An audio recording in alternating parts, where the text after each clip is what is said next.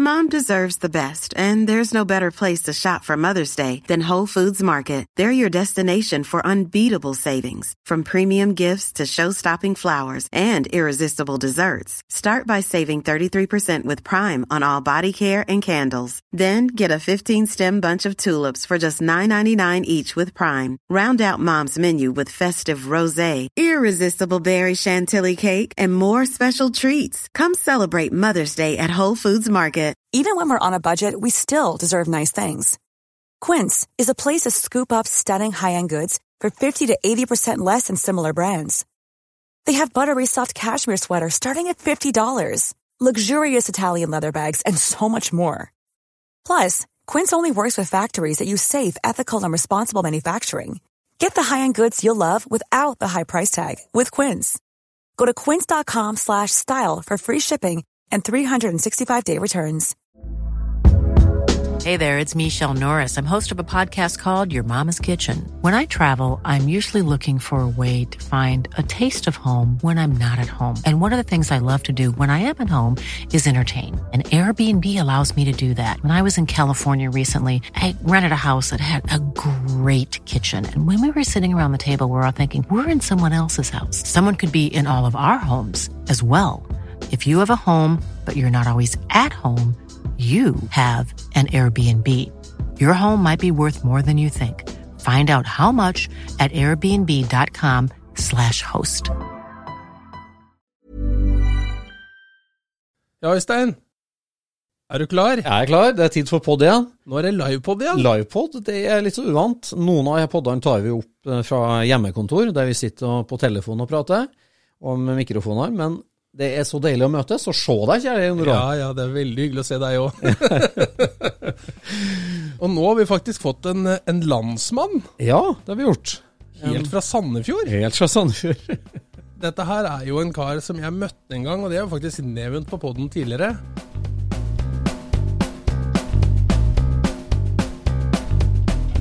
Du lytter nå til Scootspodden, en norsk podkast om klassisk bil med Jon Roar og Øystein.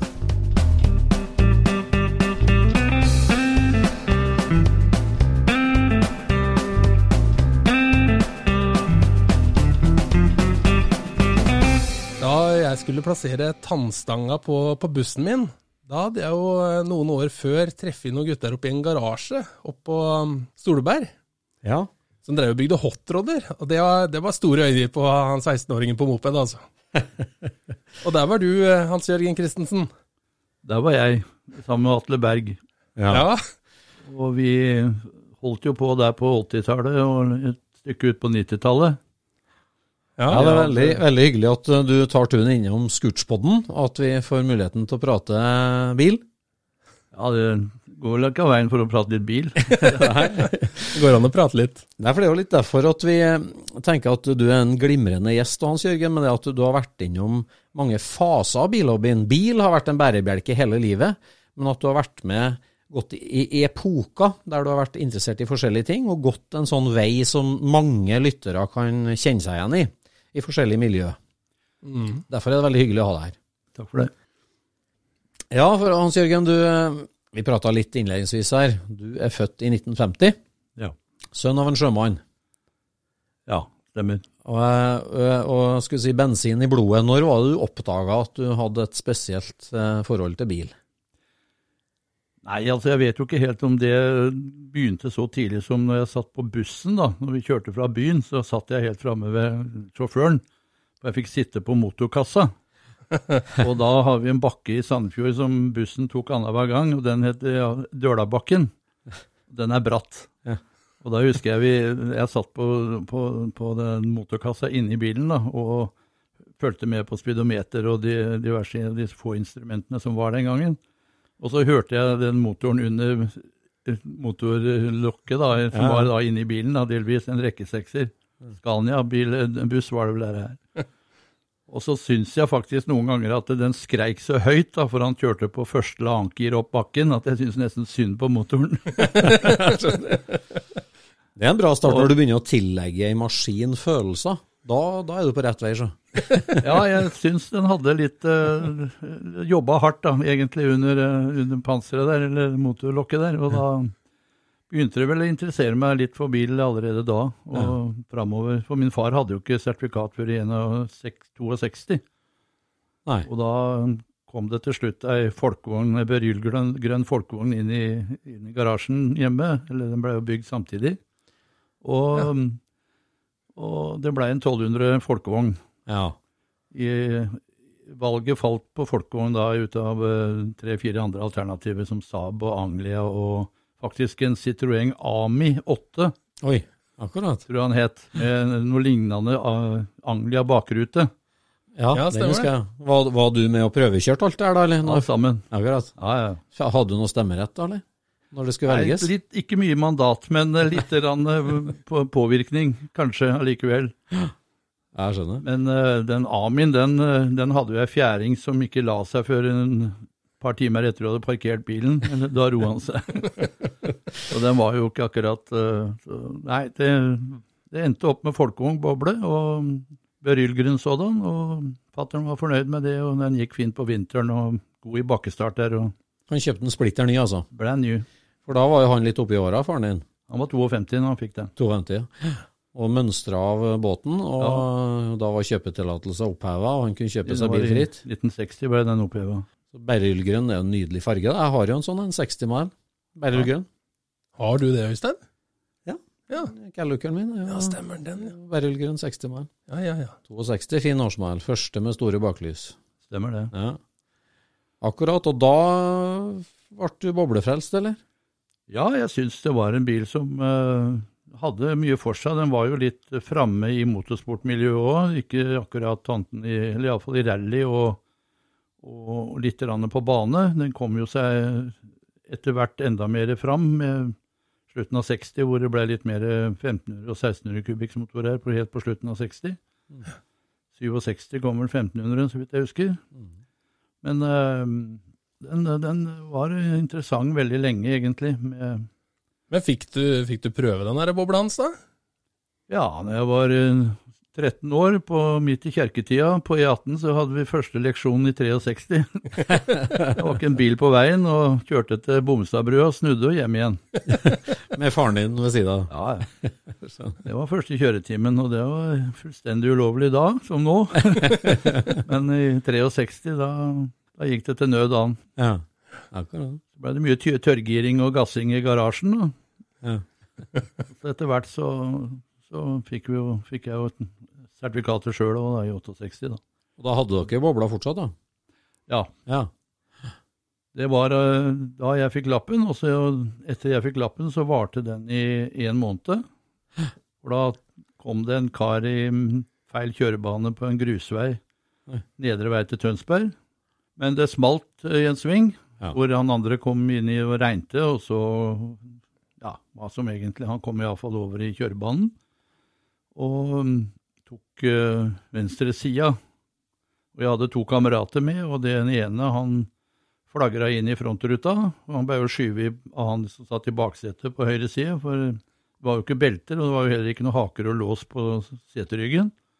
Han fikk god hjelp, så, så, så det så ikke så bra ut. Men eh, jeg kom ut av bilen, selv om venstre forhjulet det var bretta helt opp på venstredøra, under speilet. Rivet av hele, hele torsjonsfjæringa foran. da. Og rundt bilen og ned, og da lå stener i, i andre sida. Han hadde ramla ut av bilen på andre sida, nede i grøfta. Og så så det ille ut, for han hadde jo fullt av glasskår oppi øyebryna, så han hadde rent blod nedover. Og jeg lurte jo på all verden og bøyde meg ned, og hvordan det hadde gått. Og så klipper han opp eh, med øynene og sier eh, det var veldig og det smalt. Fy. Så var det i grunnen bare kjøttsår, heldigvis, da. Og han var vel bevisst da, å reise seg opp og litt omtåka, da. Og Jan Erik i baksetet, han hadde jo klart seg bra, for han hadde jo brukt eh, stener som airbag. Så, så det, det gikk jo heldigvis bra. Men bilen blei jo vrak, da. Ja. Og eh, endte med at vi, eller far bestilte en ny bil da i, på høsten i 68 som en 1500 Boble. boble Ja. og nytt igjen. Og det, Han ville ha 1300, men jeg ville ha 1500. Da fikk jeg litt mer eh, mandat til å være med, og, og da var det skivebremse foran også. Ja. på. Det var en grei bil, og den tok jeg over i 1970. 71 tok jeg over den. Da hadde jeg skrudd den så mye og forandra så mye med både det ene og det andre, med trimma motor og MP-anlegg og hele pakka. MP-anlegg, altså det var en ny bil i 68. Ja. Og så begynte du å trimme faren din sin bil. Ja, Hvor, hvor fikk du tak i de Ja, delene? jeg fikk tak i eh, Først så hadde jeg en Anglia, for å ta med det først, da, for at jeg hadde mm, en Anglia med, som jeg satte i en 1500 GT-motor i, litt trimma. Det ble vel en 90-95 hester. Det var, ikke, det var bare én dobbel Weber da, med litt kam og topp og grenrør. Og så mm, var jeg i militæret, og så begynte jeg å jobbe i Uddevalla i Sverige. Og det var da jeg begynte å sanke deler i Sverige, i Stockholm bl.a. på Comfort Racing, og mye på Hansen Racing. Gjør du det? Ja, ja, ja. Og var- klassiske navn. Og var på Hansen Racing og sammen med en eh, brukbilselger, som en kamerat av meg som jeg jobba sammen med. da, Vi blei med han over, for han skulle selge, selge en flott uh, 768 Mercedes 300 SL. Oi. Som vi hadde kjempebil og crossa tvers over til uh, Stockholm, da. Og han skulle deale med han karen som skulle kjøpe den. Og så parkerte han oss på Hansen Racing, da, for vi visste jo det lå på Birger Jarls gate, så vidt jeg husker. Ja, så, du haika med en 300 SL Ja, for Ja, det var også en, en bekjent, en eh, bruktbilselger som vi hadde blitt kjent Ja. med. da. Så Yes. han eh, kom jo da etter, en- og sa at han skulle dit eh, opp til Stockholm om noen dager, da, så vi fikk ordna med jobben. Det passa sånn at vi eh, fikk fri da, den dagen. Og Og så da var det jo full fart vet du, opp der og, og dro av gårde med Da hadde de Iski Kamset, og de hadde noe dobbel amerikansk Det var en sånn toportforgasser, et eller annet. Jeg husker ikke om det var Holly, var? Holly. eller? Holly Bugspray eller noe sånt? Da? Ja, sånn 210 kubikkfot. Den var på. ja. Ja. Og så var det et sånt innsug, krumma innsug med ordentlig åpen plenumkammer. Ja, ja, heter ja. Brute by Andec. Det var ikke noe måte på. Det er ordentlig, vet du. Ja, skikkelig navn på de produktene, vet du. Og så da det MP-anlegget. Og så hadde jeg ikke råd til mer enn en girspak til at i MP, da. Yes. Men det solgte de der borte i Stockholm, altså? MP og De solgte MP-anlegget der borte. ja. Så du bunkra opp med MP-dela til pappas boble, Ja. lempa det bak i 300 SL-en og dro tilbake til Göteborg? ja, for det ble ikke noe av det salget, så vi kjørte like standsmessig tilbake igjen. Det var helt konge. Og den sugde jo av gårde godt, den bilen der. Ja. Og da sto vi på fortauet, husker jeg, når han kom og henta, henta oss, da. Og og han andre kompisen min, han hadde faktisk en buggy. Ja. En av de første buggyene som var registrert og godkjent i Norge, i Yes. 71. Yes. Det må det jo være. Og det var kjøpt karosseriet på Rogers Custom nede utafor ja. Göteborg. Mal Ja. Møllendal, tror jeg, eller borti der. Ja. da den hadde den med først en 1600-motor i, og så hadde den en Porsche 90 S der Jaha. Ja, ja. etterpå. Bredda-felgeren hadde ikke Han hadde fått sveisa ut 15-toms eh, femhølsfelger på den. Yes. Med seks foran og åtte bak, tror jeg. Men hva si, hvor mye penger handla du MP-deler for da, på den turen? Husker du det omtrent, eller? Med alt med eh, Jeg husker ikke akkurat, men det var eh, Ja, jeg tror ikke det var for en 1500-1800 kroner, eller eh, under 2000 kroner, tror jeg. Hva var salgsprisen på 300 SL-en da?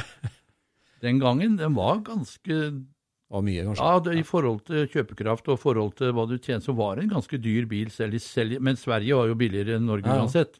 Ja, men da var det jo en 10-15 år gammel bil, da. Eller var det var kanskje nyere 300 SL, det der? Den var fra 1967-8. Oh, ja, ok. Ja. Og det var det nye slanke karosseriet med de Ja, doble sånn. amerikanske lyktene lyktene, vertikale Akkurat. doble lyktene oppå hverandre. Ja, jeg skjønner. Så det var den modellen. Ja, ganske ny. Ja. Ja. Men uh, uansett så var det jo en del kroner, 2000 kroner i bildeler den gangen. Det var jo litt allikevel. Ja, ja, ja, absolutt. Så det var jo tross alt eh, Så husker jeg måtte få litt hjelp til å få skrudd eh, Men vi ble kjent med en, en mekaniker som jobba på Bojus Motor, som var folkehånd... eh, Han hadde frest på bo- boble sjøl. Så vi var hjemme i verkstedet hans, da, og så fikk vi ut motoren og fikk splitta den og lagt inn den kammen. og Ordna opp litt. rann, Så det? ble det litt mer trøkk inn. da, Det ble jo ikke all verden, men eh, det var jo, hjalp jo godt, da. Ja, ja. Hvordan, hvordan liksom lærte du deg at det der fantes, da, på en måte? Da, du bodde Nei, i Sandefjord, og hvordan fant du ut av det? Jeg hadde jo kjøpt Hot Rod siden 1964. Hadde, okay. hadde du det? Ja. Var det Narvesen, liksom? Det, eller? Fikk vi tak i Ja, det var vel noe lignende Narvesen. Som, eh, som hadde Hotrod-magasin. og jeg husker jo de så sånn der eh, Gunslinger, eh, holdt jeg på å si, eller hva heter det for noe? Ikke Gunslinger, Slingshot, slingshot, Slingshot, ja. eh, Og det var jo Don Prudhomme, og det var jo Don Galitz, og Ja. alle de, og de hadde jo hele rommet klistra opp av amerikanske helkrumma eh, 426 Hemier med 6 eller så- 8 71 Ja. kompressorer, Roots-kompressorer. Og tapetsert på sånn gutterommet, det.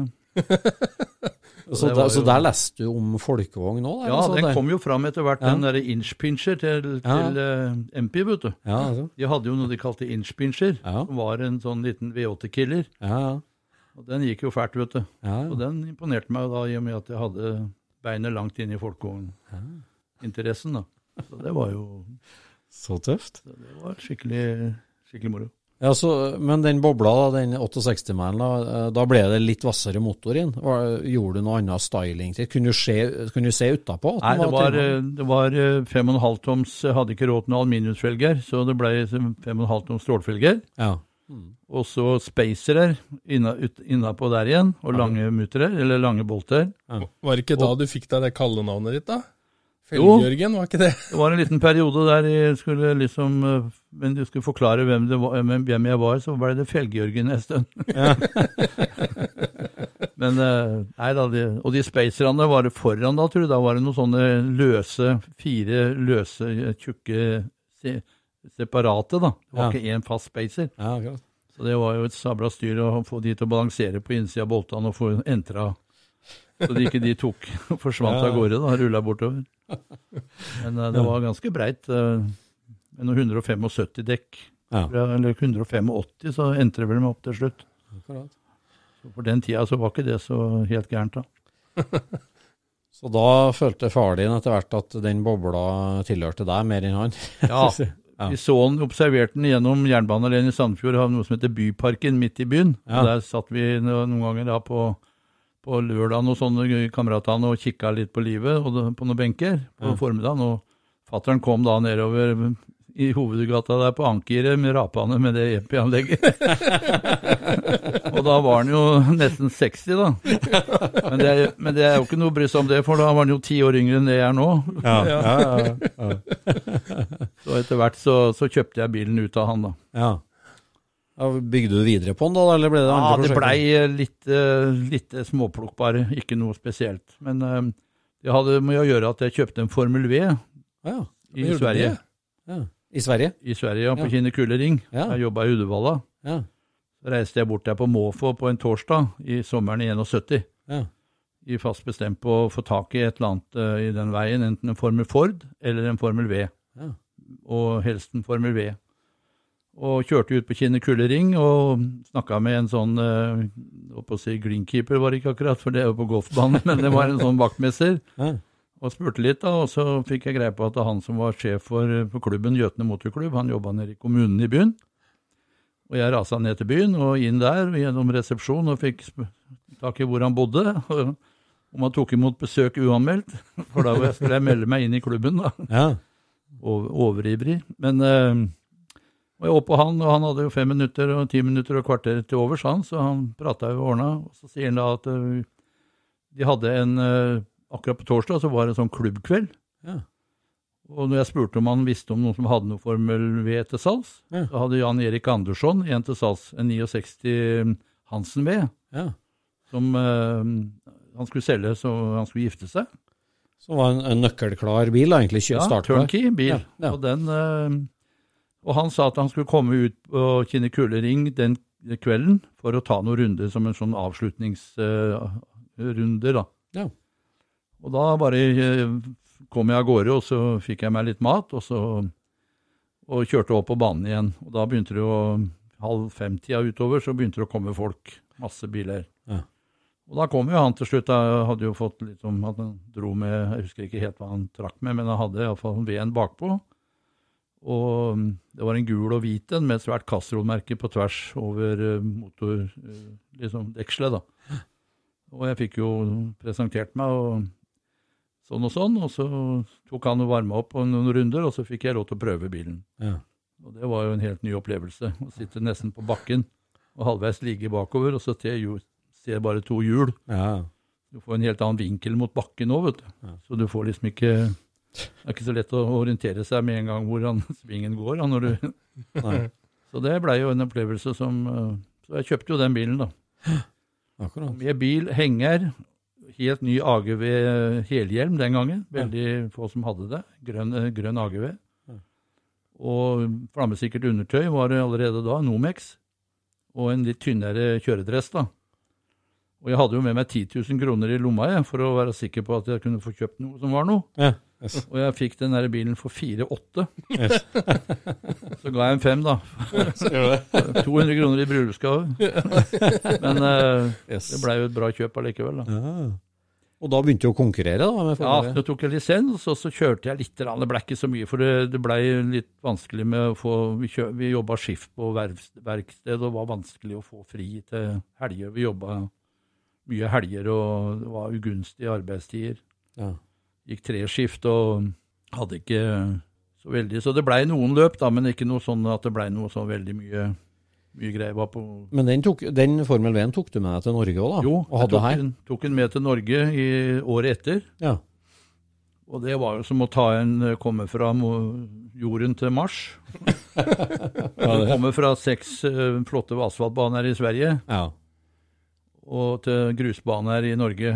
Ja. Som vi måtte ligge på knærne og be Travforbundet om å få lov til å kjøre. Ja. Da, Ja, så Formel V1 i Norge, det, det var ikke noe sånn umiddelbar suksess. Det var jo litt kjøring på Gardermoen, ikke på ringbanen? det var noe kjøring der oppe på ringbanen på betongplata der. Men eh, jeg aldri der oppe kjørt, jeg. De hadde vel, jeg vet ikke om det var kommet i gang da allerede, med den der reunien fra de bilene som kjørte der med Greger Strøm og sånn på slutten av 40-tallet. Ja. Det er jo blitt tatt opp nå i nyere tid, da. Ja, det har blitt tatt nyere tid. Men den gangen husker jeg ikke annet enn at det var vel noe arrangement der oppe. Men uh, jeg var aldri der og kjørte. Nei. Så du kjørte, kjørte ikke på noen grusbane. Jeg fikk, uh, Det eneste jeg gjorde med bilen for å preparere den litt mot uh, grusbane, var å flytte opp oljekjøleren som lå under setet. Ja. Jeg flytta den opp på bøylen, Ja. og, og, og bilen ble stående hjemme i ja, godt over et halvt år. Ja. Og så um, reiste i 72 en kamerat av meg Vi snekra opp en Ford eh, Transit, tysk type. Av den som har litt størrelse som folkevognbuss. ja. Og skulle ha en roadtrip nede i Europa. Aha. Vi fikk det på, som var borte i tre måneder. Oi. Endte opp i Marrakech og Marokko og tilbake igjen. Jeg lagde campingbil, liksom? da? Ja, vi lagde en camping. Det var vinduer inn. Det var Uddevalla sykkelklubb som hadde hatt den. Og så snekra vi senger med, med lokk på, som vi kunne ha sengeklærne nedi. Og så lagde vi et kjøkken, og så ja, og så, så la vi i vei. Da fikk vi noen jenter til å noen venninner til å ordne med noen, noen gardiner. Ja. Og og sånt noe. Så var han, eh, faren hans hadde et lite lakkeringsverksted. Ja. Og så fikk vi lakka bilen burgunderrød med hvitt tak, da, for å ha litt sånn hvitt på toppen, ja, for, for sola og sånn. ja. Og så var det av gårde, og den bilen hadde en byttemotor som hadde gått 1000 mil. Ja. Men det hadde satt på alt av gammelt utstyr på, på forgasser og grenrør og leksos og alt mulig, da. Men det holdt eh, til vi kom opp igjen til Frankrike. Da begynte fordeleren å suse. ja. Med å Vektene liksom gikk ut i huset og lagde spon. Oi. Og så slakk i, i vekten i fjærene. Ja. Og, og, og akselen begynte å slenge rundt òg, da. Så det endte med at vi måtte bare stoppe i Montepierre, da, en by sang- langt nede i Syd-Frankrike. Og fikk fiksa det her, men da kjøpte vi en helt ny siste fordeleren vi hadde av den typen på det Ford-verkstedet, Ford-forhandleren. Hadde én, da. Kosta 200 kroner. Og den satte vi i, men da klarte vi å få en backfire på, på tenninga. Oi, oi. Så den dro av det derre bakelitthjulet fra kammen og ned til veiva. Uff. Forsvant det noen tenner der, så plutselig så sto jo veiva og gikk, og fikk ikke tak i kamdrevet. oi, oi. Vi tok av venteldekselet, så var, gikk starteren rundt, og motoren gikk på en måte, men han, han lea jo ikke en, en, en ventil, vet du. oi, oi. Men da bare dytta vi ned i ei gate hvor det var en masse sånne enmannsforetak, med en litt romslig eh, franskmann som tok det her på strak arm Oi. og fikk tak i et nytt uh, bakelitthjul og fiksa alle sammen på en tre, tre timers tid. Yes.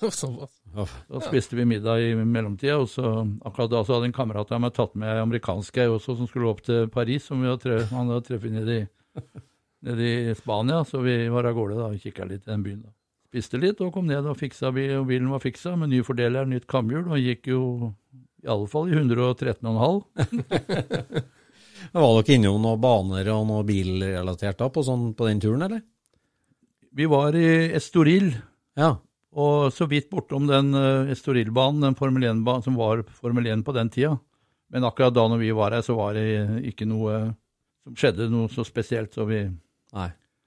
vi bare fortsatte nedover kysten, til Algarve-kysten og nedover og tilbake inn i Spania, da, for vi hadde kommet inn i Nord- Nord-Spania og så inn i.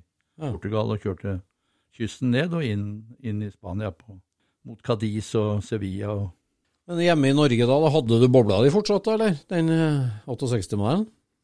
Ja, Ja. den hadde jeg i, fram til uh, midten av 70. Ja. Og Formel 1. Nei, den solgte jeg også den sommeren som vi Reiste av gårde. reiste av gårde. Ja. I Norge, da, eller? Solgte den til en Ole Bjørn Jørgensen i Sandefjord. Jaha. En eh, litt godt kjent eh, lokal racerbilfører. Ja. Som kjørte litt forskjellig. Han kjørte Folkmann Boble, har vært noen Porsche, har vært oppi en Camaro. Ja. Til han eh, Ski, Thomas Ski. ja. Mm. Akkurat. Han hadde vel en sånn eh, 70-talls Camaro som han, Ole Bjørn kjøpte. da. Og han kjøpte den Formel V-en min og klarte å legge den rundt ei, ei mast eller en stolpe på Årgjeng travbane. Oi. 73 var det vel. Jaha. klart. Det var slutten på den. Da var det godt han kom unna det, med, for den ble nesten som en V. Han, altså, han het jo Formel V, da, men det ble Formel V òg. Formen ble V. Ja. Formen V. Formen, formen V. Ja, akkurat. Nei, så det gikk ikke så bra. Så det, det ble vel kondemnert til Han tok vel noe motor, kanskje, og noe eh, greier. Jeg vet ikke helt hva som ble igjen av det, men Men bobla di, da, med Spacers og MP-cam og eller Iski-cam og forskjellig, hvor ble det av den igjen, da? motoren, den gikk eh, ble tatt ut og solgt. det- Først til en i Sandefjord, og så endte den opp i Lillehammer, den motoren, så vidt jeg husker. Ja. Ja. så tror jeg det var en på Nøtterøy, eller ute på Tøns i Tønsbergkanten, som kjøpte bilen. Ja. Eh, av hvilken grunn de ble delt på, det husker jeg ikke, men eh, den eh, Men da var det jo da var det midt i 70-tallet i Norge, skulle si, og det var oppblomstring av Amcar-miljøet, skulle si, og det var utstilling i Njordhallen, og det var bil, bil og entusiasmen og, og interessa var, begynte jo virkelig å få momentum da i Norge utover midten av 70-tallet, slutten av 70-tallet. Absolutt. Hvor gikk du hen da videre etter bobla og Formel 1? Nei, altså som du sier, så var det jo da en del utstillinger, bl.a. i Oslo på Sjølyst, bl.a. Og som du sier, også Njordhallen var utstilling. utstilling. Og Sjølyst var vi jo besøkte flere ganger, flere kamerater. Det var jo allerede for litt tidlig på 70-tallet. Og så endte det da med um, Jeg gifta meg i vinteren i 77. Og sommeren i 77 så kjøpte jeg en 68 Plymouth Barracuda. En småblokk og så four, eh, four on the floor. Ja. Herlig eh, nygiftbil for et ungt Ja. par. Veldig bra. Jeg hadde også på samtidig en Cortina GT, da. Du det, ja? Eh, Som var mer som familiebil, da. Ja. I den Yes. grad du kan kalle det familiebil. Men eh, den Barracudaen, den eh, hadde jeg vel fram til 81. Den var ikke mange av i Norge da. Nei, det var ikke veldig mange av den. Var han solgt ny i Norge? den, Hadde eller? vel han eh, hva het, Var det Bjørnland? Hvem var det som kjørte noe dragracing? Bjørnerud? Bjørn, Bjørn, Lud, Ludvig Bjørnstad? Bjørnstad? Ludvig Bjørnstad? Hadde han en sånn, tror du? Eller var det Det er slett ikke umulig, nei. Nei, jeg kjørte jo i hvert fall en headache. Headache, Ja, Headache, den, det er- bilen. Det var vel en sånn uh, Akkurat. Dragster-lignende sak. Ja, ja. Akkurat. Nei da, men uansett så, så Ja. hadde jeg, gjorde jeg litt med den og også, da. Kjøpte litt kam og litt grenrør og Enda en gang så var vi jo handla hos eh, Hansen Racing. Ja. Men du, du skrudde sjøl, da, så du ble en mek eh, habil mekaniker? Ja, det hvert, da? skal ikke på, skryte på meg at jeg har gjort alt sjøl, for jeg hadde, det var en veldig flink kar som het Trygve Lie borte på Verningen mellom Sandefjord og Larvik, Ja. som uh, skrudde amerikansk bil en, eh, en 20 års tid 24-7, utenom jobben òg. Så, så han, uh, han var liksom den å ty til når det var noe Så det var en del hjelp fra han, eller kjøpte meg litt hjelp fra han òg, da. Ja. For han, var jo, han drev jo med det her på kveldene. Og, og, men jeg hadde jo, gjorde jo en, en del som var i egen regi òg, da. Hva slags, stil, hva slags stil var det på den barracudaen da, når du herja der? Den var ganske normal på Ikke noe sånn svenskestuke og opp i ræva, men eh, den var ganske normal. Eh, Faktisk så kjøpte jeg noen, eh, noen såkalte luftstøtdempere, som ble populære på den tida, som du kunne blåse luft i. Ja. Airjacks. Ja. Hijackers, eller hva det het for noe. Ja. Og det var jo helt ubrukelig. Det var jo livsfarlig. Du, bare, du skal jo ikke ha en bil opp i lufta hvis ikke du trenger det av altså Det må jo være hvis hjula er så svære da, at du stubber nede i hjulhusa. Ja. Ja. Men å leve og kjøre det opp i lufta, så det de hadde jeg på bare en liten periode, og så slapp jeg det så langt ned at de, bilen lå normalt. Ja. For det var, jeg hadde en opplevelse hvor at det, det, det tok tak i, eller begynte å sveive rundt bak der. Og på grunn av at han var, var jo langt oppi ja, Nei, det gikk ikke an å kjøre med, rett og slett. Og det, og det var bare Cortina GT til familiebil og Barracuda til pappabil, eller lekebil, skal vi si. Det var Ja. jo en artig- hyggelig kombinasjon, da. Og så hadde jeg også, hvis ikke du sier det til noen, så hadde jeg en Renault 16. Oi, det må vi klippe ut, vi klippe bort. Ja. Det var også familiebil i den Ja. perioden, en peri litt seinere, i 79-80 kanskje var vel det. Ja, akkurat.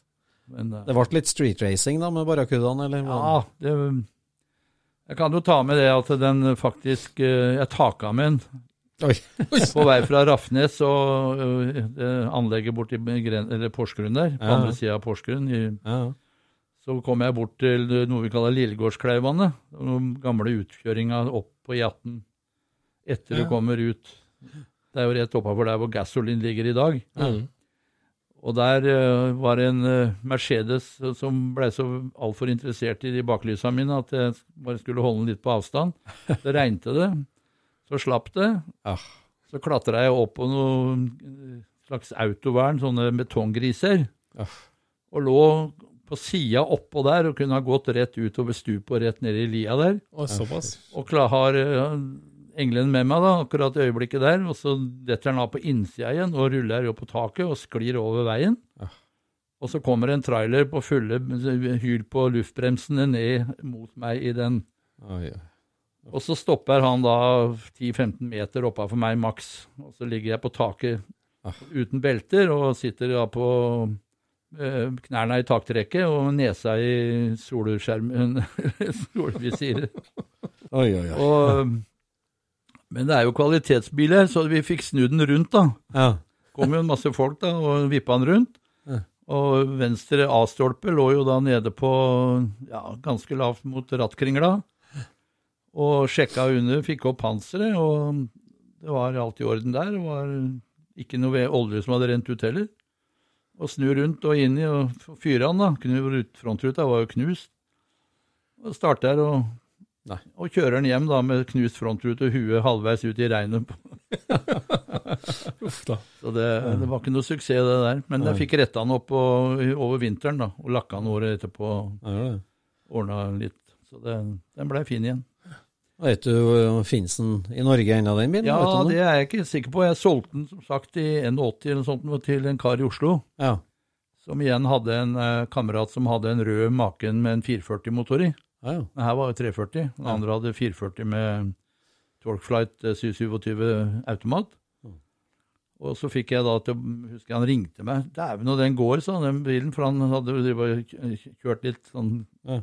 Litt grann sånn fra lyskryss til lyskryss, sikkert inne ved Youngstorget, da. Og da gikk det så Han sa den, den stikker av gårde bra, sa han, den lille motoren. Ja. Og den var pigg, da. Det var det. Ja. Ja, og da, det, det ble ikke bare Renault etter det, si. Hva, hva slags hobbybil gikk du videre til da? Da ble det en periode med mye tapet og hus og Ja. alskens eh, Men eh, i 83-84 da, så fikk jeg kjøpt eh, en eh, 34 34 ramme og et karosseri som blei da fremtiden, det som skulle bli. da. Det, det var jo en 34 Ford Triwindow Coupe. Ja, for da hadde du havna skikkelig på Ja, hotrod-feberen. da, da var det jo det som egentlig Ja. for så vidt skulle forhåpentligvis bli framtida, da. Var det noe du hadde med deg helt fra de bladene fra, på 60-tallet, eller? At hotrod var tøft, liksom? Eller var det noe som kom på 80-tallet? var, eh, det var jo det var hele tida i bakhodet og, og at hotrod var tøft, og at det, det var eh, noe som eh, sto høyt på ønskelista, men med myndighetene den gangen som det var helt umulig å få, få gjort så noen ting i hele tatt. Du hadde noen få inne på Youngstorget, husker jeg allerede i 65, så var jeg inne en kveld der og på seg Mor hadde søstera, som tanta mi, hun bodde i Oslo. Da var jeg nede på Youngstorget. Og da var det noe 48 mørkeri. Ja. En hvit en. ja, ja, den er kjent, vet du. Ja, Med doble lykter Doble løkter foran. Var noe sånn 60, 61 Komet eller noe for- Ford-løkter. Og så mener jeg han hadde 59 Cadillac baklys Infels Frencha Mm. baklys, mener jeg. Og så var det også en, fem, en gul 55 Chevrolet. Ja. Det, noe, det var jo egentlig ikke noe, syns jeg var noe tøft den gangen heller, men han hadde satt med noe 220 Jo, altså bilen, 55 Chevrolet, er jo alltid tøft. Ja. Men han hadde satt inn eh, Chevro, nei, eh, Mercedes 220 lykter. Oi, De høye, ovale Oi, oi, foran? Høye, foran. oi, oi. Helt ned til blinklyset, nesten. Tror du den Det er kjent, den bilen der òg, jeg? Har du? Nei, jeg tror den er, den er kjent, den bilen der òg. Ja, den Mercury'n er i hvert fall kjent, ja. Den skal vi komme tilbake til. Så var det T-Bird eh, T-Bird Pedersen, hadde jo da T-Birden sin. Ja, ja. og spola ut fra Youngstorget retning Sentrum kino. ja. Og blåste jo over lyskrøsset på sikkert både grønt og rødt i den tida. Og det spola av gårde fælt, og det drønna gjennom mellom veggene der. Skikkelig 15 år gammel da, så det var jo ganske heftig. Det gjorde inntrykk, det. Ja, det var helt, uh, helt rått. Ja. Så du kan si det, men allikevel så var det jo men ja, Vi, vi saumfarte jo en del lover og sånn i, i distriktet hjemme i håp om å finne noe av Ford, eh, Ford-greier. da. ja. En periode var langt oppe i Kodal og oppi og gikk nesten fra gård til gård og bare ringte eller banka på døra for å høre om det var noe bak låven eller inn på låven. ja. Men det var ikke noe, noe særlig napp, da. Nei. Så det lå jo nede da mer eller mindre hele slutten av 60 inn på 70, men da holdt jeg jo på som sagt med de forannevnte Ja. prosjektene. Men så begynte jeg å jobbe i, i Stockholm i 1976, Mm. og da mm, kom det jo, når du satt på Sveaveggen da, så dukka jo roddane opp. Mm. Og så var jeg i Marmorhallerna på Hot Rod Show i 76, Det var og da fikk jeg jo se bilen til Hugo Dahlgren, Ja. 37 Chevroleten. Ja. sølvgrå med svarte skjermer. Ja. Og det var jo en åpenbaring. Ja. og da, han blei jeg også kjent med etterpå. Ja. Så, så det, for da, vi, Jeg bodde ute i Farstad, og han hadde jo svært verksted i kjelleren under politihuset på Farstad. Så det, så det var jo Av alle ting. alle tingene. Nei, Hugo var veldig ålreit. Men Han var jo en Chevrolet-mann eh, Ja.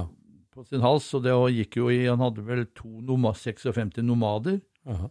Og så hadde han en uh, fin pudder eller baby blue 56 cab. Ja. Og den brukte de som eh, sånn cover eh, på LP med Svenne og Lotta. Aha. Et eller annet uh, på 70-tallet. Du har minnet i orden. Du har, du har minnebanken i orden, du husker? Ja, til dels greit nok. Så det, Ja. Så Altså med hotrod-feberen, den lå der da helt siden Youngstorget. Den lå- latent, ja. Endelig så ble det prosjekt av 3480, sa du. ja. Ja. Det var jo tidlig i norsk sammenheng og det, da. Uh, hotrod, det var ikke mange uh, som hadde bygd ordentlig hotrod da. Uh, hvor, Det hvor var, kom det. det? var noen få. Det var vel eh, Hva het de der oppe i Trondheim? Var det Jacobsen, Eller hva Ja, het de? Jørgensen. Jørgensen, ja. Klaus og Stig Jørgensen. Mhm. De hadde jeg jo, Den, den, den 32 hadde jeg jo sett. Ja. For de hadde vært på, eller en av de på, gutta der hadde vært på noen feriegreier nede på Østlandet. Ja. Så den så jeg oppå E18. ja, gjorde du det? Ja. Og, men da passa ikke for meg å hive bilen rundt og så, fort, og så ta opp jakta. Nei. Akkurat da passa det ikke, for det var noen andre ting jeg skulle på. Hadde jeg vært aleine i bilen, så hadde jeg forfulgt den til Oslo. Men uh, Ja, den er legendarisk, den. ja. Um, og så var det jo da um, Arild Sand som fikk sin 34 til godkjent i 85, var det vel. Ja, ja. Og han, Det er den røde, ikke sant? Det er en rød 34 Tudor, ja. Ja. Den er i Østfold nå. Jeg jobba sammen i Nordsjøen med han som har nå. Ja. En Ja. som heter Ørken. Jørgen, tror jeg. Eller Ja. et eller annet. Ja, for du uh, ha, si litt om det. Du jobba i Nordsjøen du, i mange år. Når starta Ja, du der? 41 år. 41. Når starta du der? 77. 77 startet. Kom hjem fra jobb i Sverige og starta i Nordsjøen i Norge. Ja. Var litt på Rafnes akkurat øh, en halvt års tid, og så Ja. var det ut på høsten i 77, så var det til Ekofisk. Så da er det å ligge utpå der og lese bilblad, og så hjem og skru og jakte på bil etterpå. Ja, får vel si det så. Ja. Så det, nei da, det ble Jeg hadde faktisk en, eh, en 34 Tudor Chevrolet ja. Som jeg tok med til Stockholm og hadde i garasjen ved siden av, eller jeg fikk leid meg inn i et hjørne ved Hugo Dahlgren der. ja. Og så, som også da skulle bli råd da, var meninga. Ja. For det, egentlig så lå jo egentlig Ford som lå med hjertet nærmest der, men det var ikke så lett å oppdrive med, med en Chevrolet Tudor i Ja. bra stand. Det var jo et bra alternativ. ja, ja. Mm. Så, så den tok jeg med bort og begynte å, å pelle ned og plukke den ned. Og skulle få i en Chevrolet-motor. Og skulle ha i Commodore forstilling, da, som jeg fikk tak i ute på en skrot utafor Stockholm. Klassisk svensk oppskrift, det. Ja, det var det. Og det passa bra på bredden på, på rammeskinnen også, for å legge oppå. For da brukte du hele klippet, kan du si. Forstillingsbiten der med fjærer og alt, da. Og Da tenkte jeg det kunne være kanskje litt lettere å få godkjent òg, istedenfor å sveise sammen en hel masse Mm. forskjellige komponenter, særlig på den tida. da. Men så var det noe med jobben, og, og det blei noe, noe, noe kontra kontraktbrudd. da, med opp, og Jeg jobba for et norsk firma i, på et verksted med skipsverft der borte i Stockholm. Så egentlig så skulle vi vært der i nesten halvannet år til, og så blei det noe brudd og noe tull, og så måtte vi pakke sammen og reise hjem. Så bilen ble stående der borte, og da endte det jo bare opp med at Hugo Dahlgren kjøpte den bilen Mm. det som sto igjen der borte. Ja. Og gjorde noe, og så solgte den til en kar oppe i Uppsala. Men når du da midt på 80-tallet, eller 3-84, da, kjøpte den 34-prosjektet, hva, hva, hva, var- hva var det med hotrod som var så tiltalende da, og hvordan retning dro du av gårde da? Altså det, da- det, Ja, eh, Jeg får jo innrømme at eh, jeg har alltid sett på hotrod som noe som bærer av gårde og fornyer seg etter som tiden går. da. ja. For eh, kan du si etter krigen, når de som hadde begynt å bygge hotrod i California, var i Stillehavet og rundt omkring og viste bilder av hotrodene sine, så var ikke det så utbredt eh, ut, østover i Amerika. Nei. på den tida. Det var jo eh, Edelbrock og Iskenderian og alle de gutta som holdt på der borte på Lake Muroc. Og, og, og, og kjørte da i gatene eller i veiene rundt, rundt LA og vestkysten, da, California.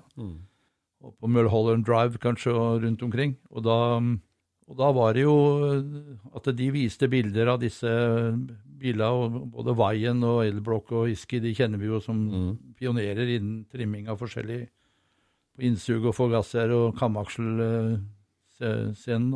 Og da mm, kom jo, da kom jo de, eh, den interessen da med meg, da, ettersom jeg allerede begynte å kjøpe de bladene allerede i, i Hot Rod Magazine, da. I, så tidlig som 13 år, tror jeg det var første gang jeg kjøpte det. Men da, som sagt, så var det jo ikke så lett heller, da, med, med det norske regelverket og det, alt det her problemene vi hadde. Så det endte jo bare med at Men stilen, den kan du si, den, den, eh, den syns jeg liksom Du har jo individual, det individuelle med, som er det fine med rod- hotrodding, er jo den individuelle tolkninga av det prosjektet du holder på med. Mm. At du, du bygger eh, med det som du først og fremst har lyst, lyst til. Ja. Mens eh, på 60-, og 70- og 80-tallet så var det jo hele tida framover. Ja. Med når 55 Chevrolet-motoren kom i 55, og, og Cadillac var jo første motorene gjerne i 49, og Nailheaden. Mm. Og du kom med de Buick, Buick Nailhead-motor, og, og så kom jo da 55 Chevroleten, som var en nett liten, veldig firkanta, fin motor Mm. som kom og ble tatt i bruk. Så da ble jo selvfølgelig V8 Flatheaden da litt obsolet, litt sånn utafor, liksom parkert, da. Men eh, etter hvert så blei det jo da eh, Når Coddington kom på banen, Mm.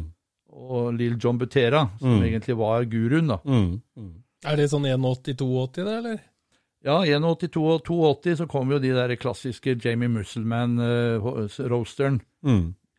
clean, og alt var liksom Ja. nesten alt som ikke du trengte. Det var som, eh, altså I 79, desembernummeret Hot Rod 79, det var jo Lill John Buterias 32. Mm. på eh, Jeg husker ikke om det var om det var det derre i San Francisco. Det derre Oakland Roaster Show. Oakland Roaster Show, ja. Mhm. Men han blei jo spurt om eh, sånn som den derre speilen i, i billet aluminium, da. Mm. Han fikk den til. Det var jo også frese og dreie vekk det som ikke ligna på et speil. Eller mest fresing på den, sikkert. Ja. Så det var jo Så kom jo den, den som, som da på den tida tiltalte meg, da, kan du si. Nå er jo trenden blitt Men jeg ser jo det at det har jo tatt en, en turn da inn på 90-tallet, kanskje, mm. hvor folk da snur og skal tilbake til røttene. Mm. Mm. Men det hadde du jo liksom ikke hele tida så veldig interesse for. eller Det liksom var ingen som i, i 1968 som bygde en kopi av en 51. Nei. Nei, Da skulle du se framover, ikke bakover, da. det var framover eh, nesten alt uh, gjaldt. For understellet på den din, det var vel uavhengig foran og bak, var det ikke det? Ja da, Der var det- ble det E-type eh, forstilling foran og Jaguar eh, uavhengig bak. Ja, akkurat. Hva Den slags- eh, smaler inn og sånt, da, gjorde ikke det? Bakstillinga? Bakstillinga var en S-type som hadde rette, rette bredden. Ja. Jeg husker ikke om det var rundt 54 tommer. Brukte du 34 for rammeskinnene, eller? Ja, ja. det var eh, De ble boksa, og det ble gjort av Erik Hansson, ja. påtrådfigur i, Ja, ja, her nede i Strømstad. Så der ble eh, det, det boksa og forsterka i- framme ved motorfestene, da, framme i, i motorromområdet, da, Ja. andre delen. Og så ville jeg ha ikke helt tette rammeskinner. Han hadde noen fine, fine eh, perforerte, sånn store hull som var sveitsa med Ja. sånn kant på. Ja. Som jeg også brukte på det som var under dørene i hovedrammebiten der. da. ja. Han mente at det for det første var litt lettere, og så var det like stivt pga. den der sveits, Ja. den innpressinga. Og så lagde han meg et nytt kryss til meg, ja. for jeg hadde hele ramma der nede. Akkurat. Men eh, da var det til en Turbo 350-kasse, som jeg senere forandra til manuell og endte opp med Tremec femtrinnskasse, da. Ja. TKO 600.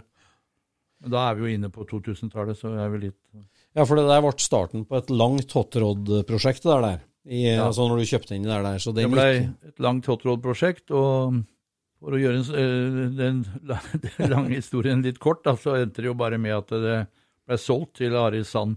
Å ja, det gjorde det, ja. Og det var en, en 34 trevinduskupé? Ja.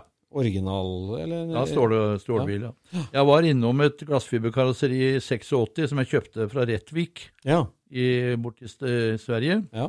oppi de der innsjøene der oppe. ja.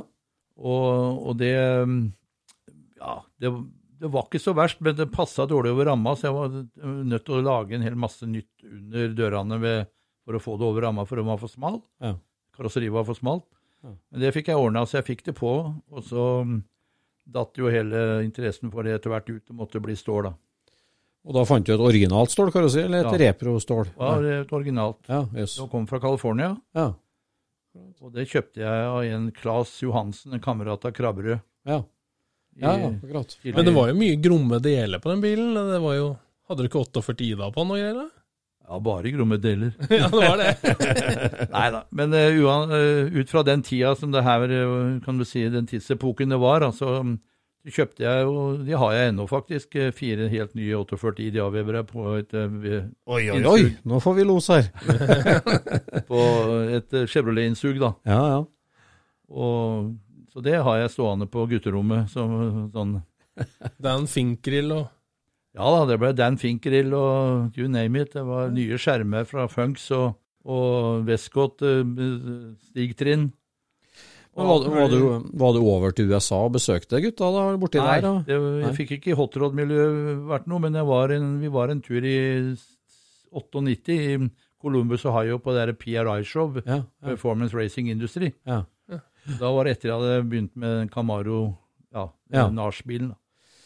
Ja, for da er vi jo så- Såtrod-prosjektet. Det ble et eh, ja, 15 år prosjekt, ja, det pluss. Ja, 15 år pluss, ja. Ja da, det blei jo det, var mye til og fra, og som jeg sier noen ganger, ja, mest fra. For Mm.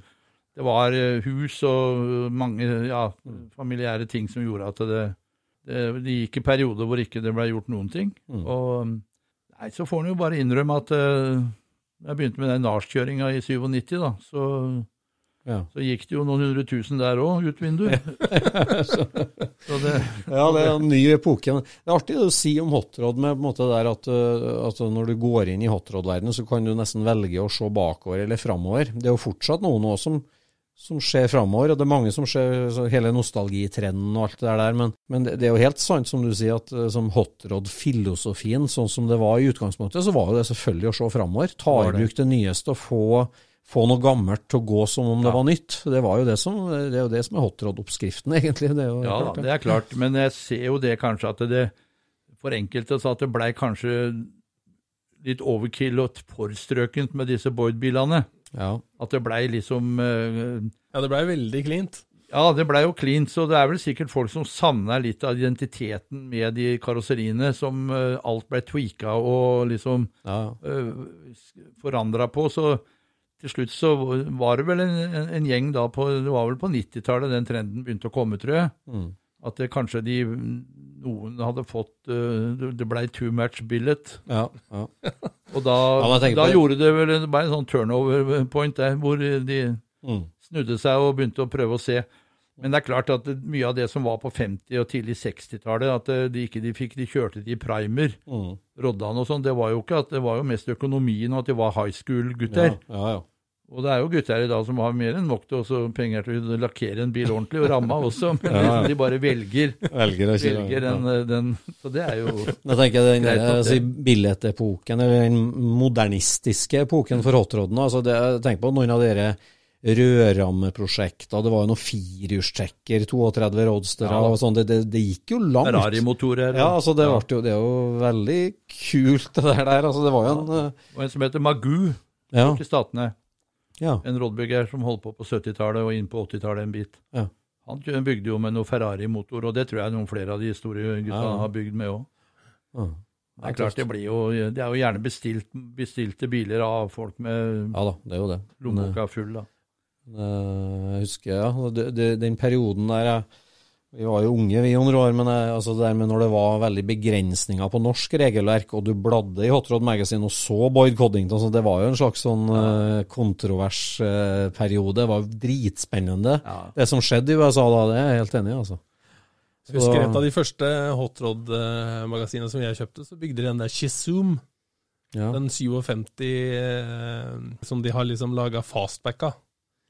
Den blå 57 Chevrolet. Ja, den ligner jo egentlig på den der Cadzilla. Mm. Ja. Ja, Chesume. Men det var ikke noe sånn CC Topp-prosjekt? Nei, det, den var før. Den Før, var ja. rett før uh, den Cadzillaen, for det var CC Topp som Ja. hadde den. Men da husker jeg bare det at hvor vilt det egentlig er at de bare tegner en helt ny bil, så bygger de fra scratch, liksom. Og så skal det se ut som en eh, 57, liksom. Ja. Mm. det, Mange kreative der borte. Ja, det er det, altså. men det var jo liksom eh, Det var der det begynte på en måte å ta slutt òg. Altså, var, da var det så ekstremt det nesten kunne bli. Altså. Ja. Ja, så går det. Jeg har jo snakka om det før på poden, at eh, liksom, det å drive bilhobby, det er amerikanerne best i verden på. Altså. Det, Ja. du kan være interessert i hva slags bil du vil, egentlig, med, om det er europeisk for, men, men måten de driver bilhobby på, det er imponerende. Altså, for å si det sånn. Absolutt. Jeg har jo hatt et regelverk også som har gjort det ganske Ja. De klager jo litt der borte, de òg, da. Men Ja. det er jo ingenting å klage for i hele tatt. Nei. Så de, Nei. så de har jo hatt det ganske greit opp gjennom åra. På slutten av 90-tallet, da, Hans Jørgen, så eh, da blir jo NARS-serien, Norsk Amcar Racing-serie, står det for det? NARS, kanskje? Ja. Norsk-amerikansk uh, racingserie, ja. Ja. Og der eh, havner du uti med begge beina. ja. Og hvorfor det? Nei, det var jo at det var jo kamerater av meg i, i byen som eh, Jens Peter Lindstrøm og Torger Johansen, Ja. som uh, gikk med planer og, med å bygge en eh, Malibu. Eller de hadde jo da en, eh, en Malibu som eh, de var i gang med så vidt. En eh, 79 kupé. Og da blei jeg litt bitt eh, med når de kom i gang med den, da. Ja. Og så plutselig dukka det opp en uh, Superstar Camaro 70-modell Ja. til salgs i Sverige. Ja. Som jeg kasta meg rundt og fikk kjøpt av en kar som uh, jeg faktisk hadde vært og kjøpt noen noe Jaguar-forstillingsdeler av nesten en ti år i forveien. Ja. En, eh, rett i nærheten av i Ring, i Skaraborg, Ja. Len. Ja. Og det var en eh, åt- en 70-modell ja, som hadde kjørt da fra ja, seint 70-tall, midt på 70-tallet Ja. og inn på 80-tallet. Og så hadde han hatt den i minst 15 år og ikke kjørt noe, men han har vært nede på Kinnekulle, bare noen sånn uh, trackday-lignende greier. Så den var bygd for asfaltracing, altså, Den var Sverige? bygd som sånn, eh, den Superstar-serien de kjøpt, kjørte i Sverige, som var først en sånn skulle være alle forskjellige amerikanske biler, men så utkrystalliserte seg Camaroen som en sånn vinnerbil. Ja. Og så blei det jo mer eller mindre Superstar, eller Camaro Cup til slutt, da. ja. Da kjørte var det der den Lipton-bilen gikk? Ja, der? ja blant annet den Ja, ja, ja. Lipton eh, Jeg husker ikke om det var Bosse Jungfelt eller hvem som Jo. kjørte den. Det tror jeg. Tror det var han.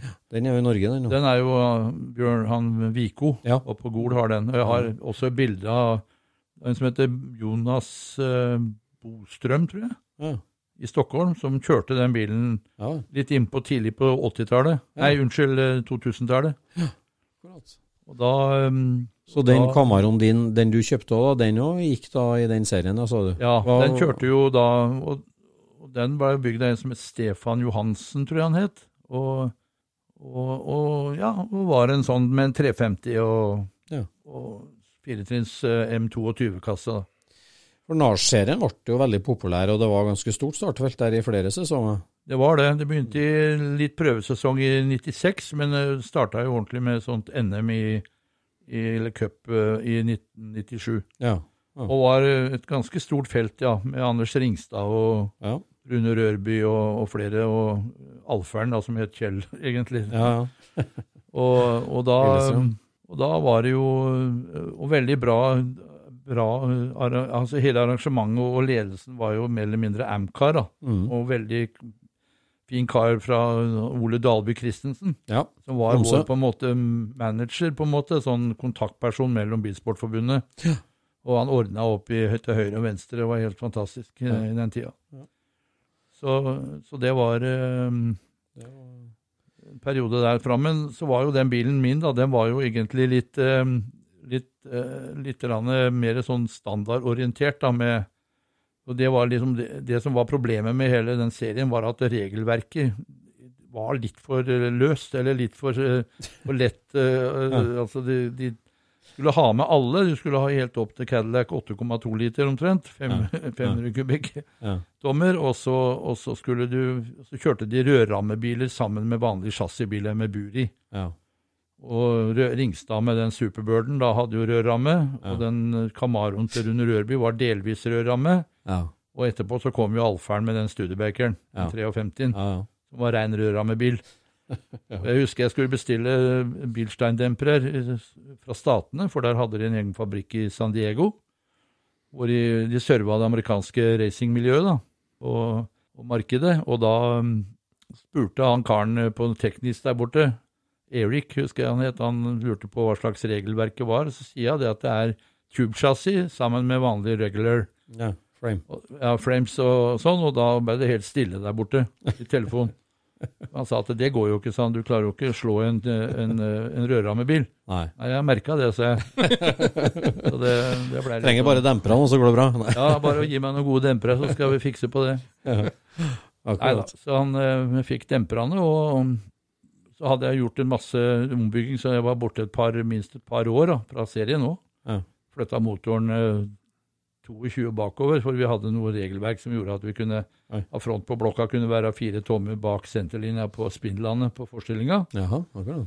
Da ble det jo en svær kasse inn i torpedoveggen, og så fikk vi lov til å senke motoren der, så det var en 11 ned, da. Oi, oi. Og Pluggene- 22 cm bakover. Ja. Plugg- Enerpluggen lå omtrent med høyde med øvre bærearm, og litt nesten lavere. Så, så det Det kosta litt, det der, da. Det var storsatsing, det. da. Hvis du... Og tørrsump òg, var det ikke det? Jo da, tørrsump ble det, vet du. For jeg klarte jo også å kjøre med den motoren som sto inne da jeg kjøpte den. Da var vi på Mo i Rana i 97. Ja. Og da gikk jo full Da fikk jeg bilen på toget oppover fra Alnabru. ja. Det var billigere enn å kjøre Chevrolet van med Ja. 6-2 6-5 diesel. Henger, ja. Jeg tror jeg fikk en opp der for tur-retur for 3200 kroner, jeg, Yes. ja. med forsikring. Og, og og når jeg kom opp til Mo i Rana, så fikk jeg, og de var veldig service-minded, de gutta som var i den klubben der oppe. Jeg fikk låne en Sveis en Silverado av en kar, og så henta jeg den. Da sto jo bilen på hengeren Ja. Med alt uh, løsøre rundt, bensinkanner og slik, så ja, bilen var full. Og, og det var festa rundt med jekkestropper. Men alt kom fram, og helt og fint alt sammen. Ikke noe Hvor, hvor mange nachspieler har stilt der, da, for å se som på Arctic Ja, det var, var det ganske mange der oppe òg. husker jeg ikke Det var ikke alle som reiste oppover. Det var litt for mye Litt for langt for mange, men vi var en god del, alle. De, er, de, de fremste guttene i feltet, de var her, og så var jo en del andre også. Men det som var jo at den Da røyk jo den motoren. Da ble det verdens største inspeksjonshull i venstre side på motoren. På, trening, på fritreninga på fredag. Åh, det er surt. Det er surt. Så da Midt foran dommertårnet Oi, oi, oi. som er 100 meter med oljestripe bak nesten, for jeg satt vel med bare med halvåpen munn og, og fikk ikke styrt ut med en gang heller. Og, nei, det var, var noe dritt. Det var noe dritt. ja. Jeg fikk bygd motor seinere og gjorde den jobben da med Flytta han, ja. Ja. da, Men da gikk det jo et par år, eller til 2002, og da, da hadde jo de ligget og kjørt på Vålerbanen blant annet, da, 101, 102. Ja. De som hadde liksom fått utsortert bilene. Mm. Og jeg hadde jo ikke akkurat de mest optimale dekkene. Jeg hadde Goodyear, nesten sånn NASCAR full ståhøyde, 60-profil, eh, kan vi nesten sammenligne med. Mens de andre kjørte jo da 15, eller gjerne 17 tom Dunlop Ja. racing, da. Det var sliks, riktignok. Ja. Men de som var fint med de der hjula mine, da, de Goodyear-hjula, var at de ga seg litt, rann, begynte å sagge litt rann når du kom i svingen. Ja. Og det var sånn derre warning. Free warning. Nå slipper det snart. Ja. Ja, så det, mens de andre de opplevde jo gjerne at det var ingenting, og så smuks, og så, så kom du baklengs ut av svingen for å slapp det, vet du. Så det var litt ålreite. Så jeg kjørte jo faktisk med en gang jeg kom opp der med det nye opplegget mitt med dempere og alt, da, da var det jo 1.02 med en gang. Ja. Da tenkte jeg da, Jeg var i 2.02, og da tenkte jeg at det er kanskje et halvt sekund, sekund i gubben. Og et sekund i bilen, så er vi kanskje nede på lave mot 60, 60 sekunder. er jo en sånn magisk grense på Våler. Ja. Den banen er jo lik, har jo vært i alle år også, så Ja. det går jo an å strekke seg etter nå òg. Og da får vi beskjed da på høsten fra Bilsportforbundet at de legger ned serien. Nei. Takk for fremmøtet. Uff, uff, uff. Det, det var til slutt, men eh, du fikk litt bruk for gamle Formel V-kunster, og så det å kjøre på bane, da, det har alltid vært eh, med deg, det, da. det har jo også ligget der eh, latent i bakhuet, det òg. da. En Konkurranseinstinkt, og det har jo Ja. så det, Og det blei jo en frisk motor på 600 og nesten 10 608 S der. Og 740 Newton, da.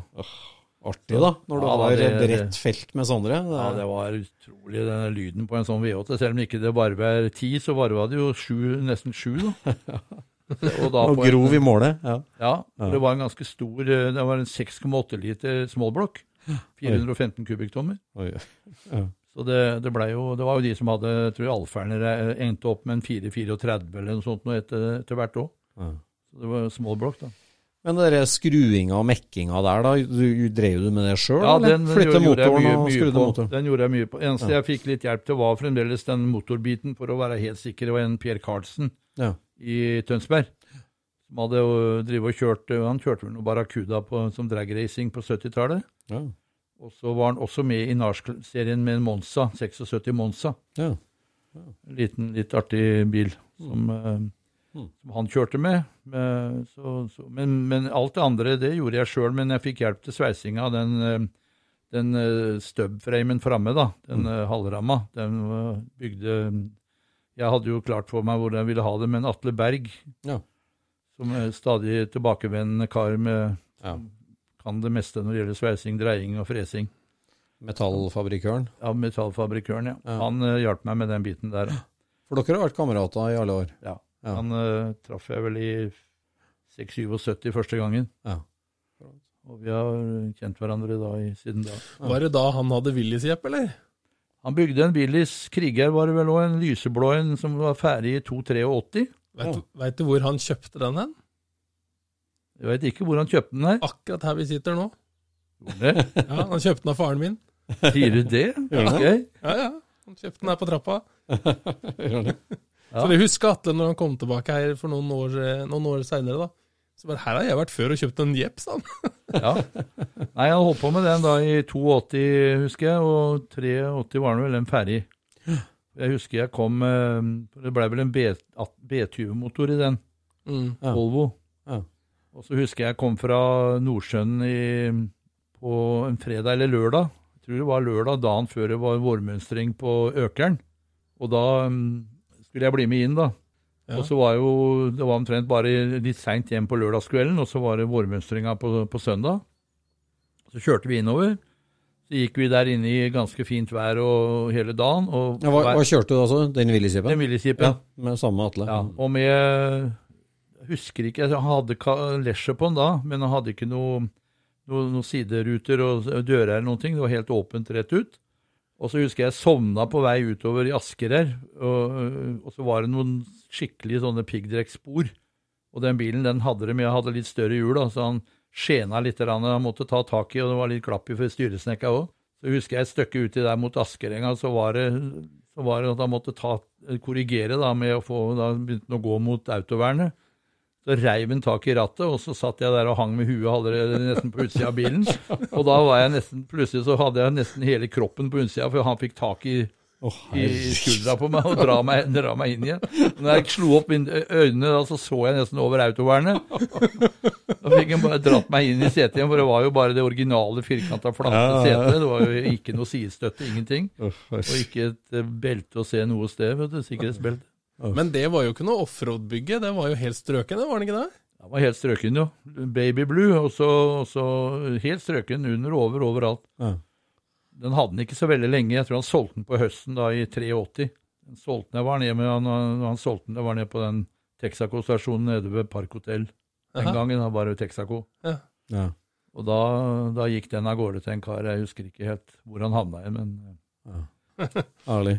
Ja, så i sommeren 2002, da, du sto klar til versting-attack på NARS-serien, og så ble det nedlagt. Hvor, Ja. hvor gikk Hans Jørgen hen da? Hva gjorde du da? ja, da begynte han å furte. Ja. Nei, jeg kjørte bilen inn i verkstedet hjemme, da. Det verkstedet som jeg har hatt, eh, og vært i sammen med Atle da, fram til 98. Jeg har vært der nå i 36 år nå 1. mai. Siden 84. 84. Nei. I samme hobbyverksted? ja, samme verksted har jeg vært siden 84. 1. mai 84 flytta vi inn der. Da var vi tre, tre mann, eller var vi fire, fire til å begynne med. Men nå har jeg vært aleine siden eh, 98. Ja. Men du er der fortsatt? Jeg er der fortsatt. Så der hadde du, der hadde du Forden og Hotroden? Ja, alt sammen. Og, Ja. er det bare eskort der, og masse motorer og skrot rundt i alle dører. Det er, ikke til å få satt ned beinet noe sted, nesten.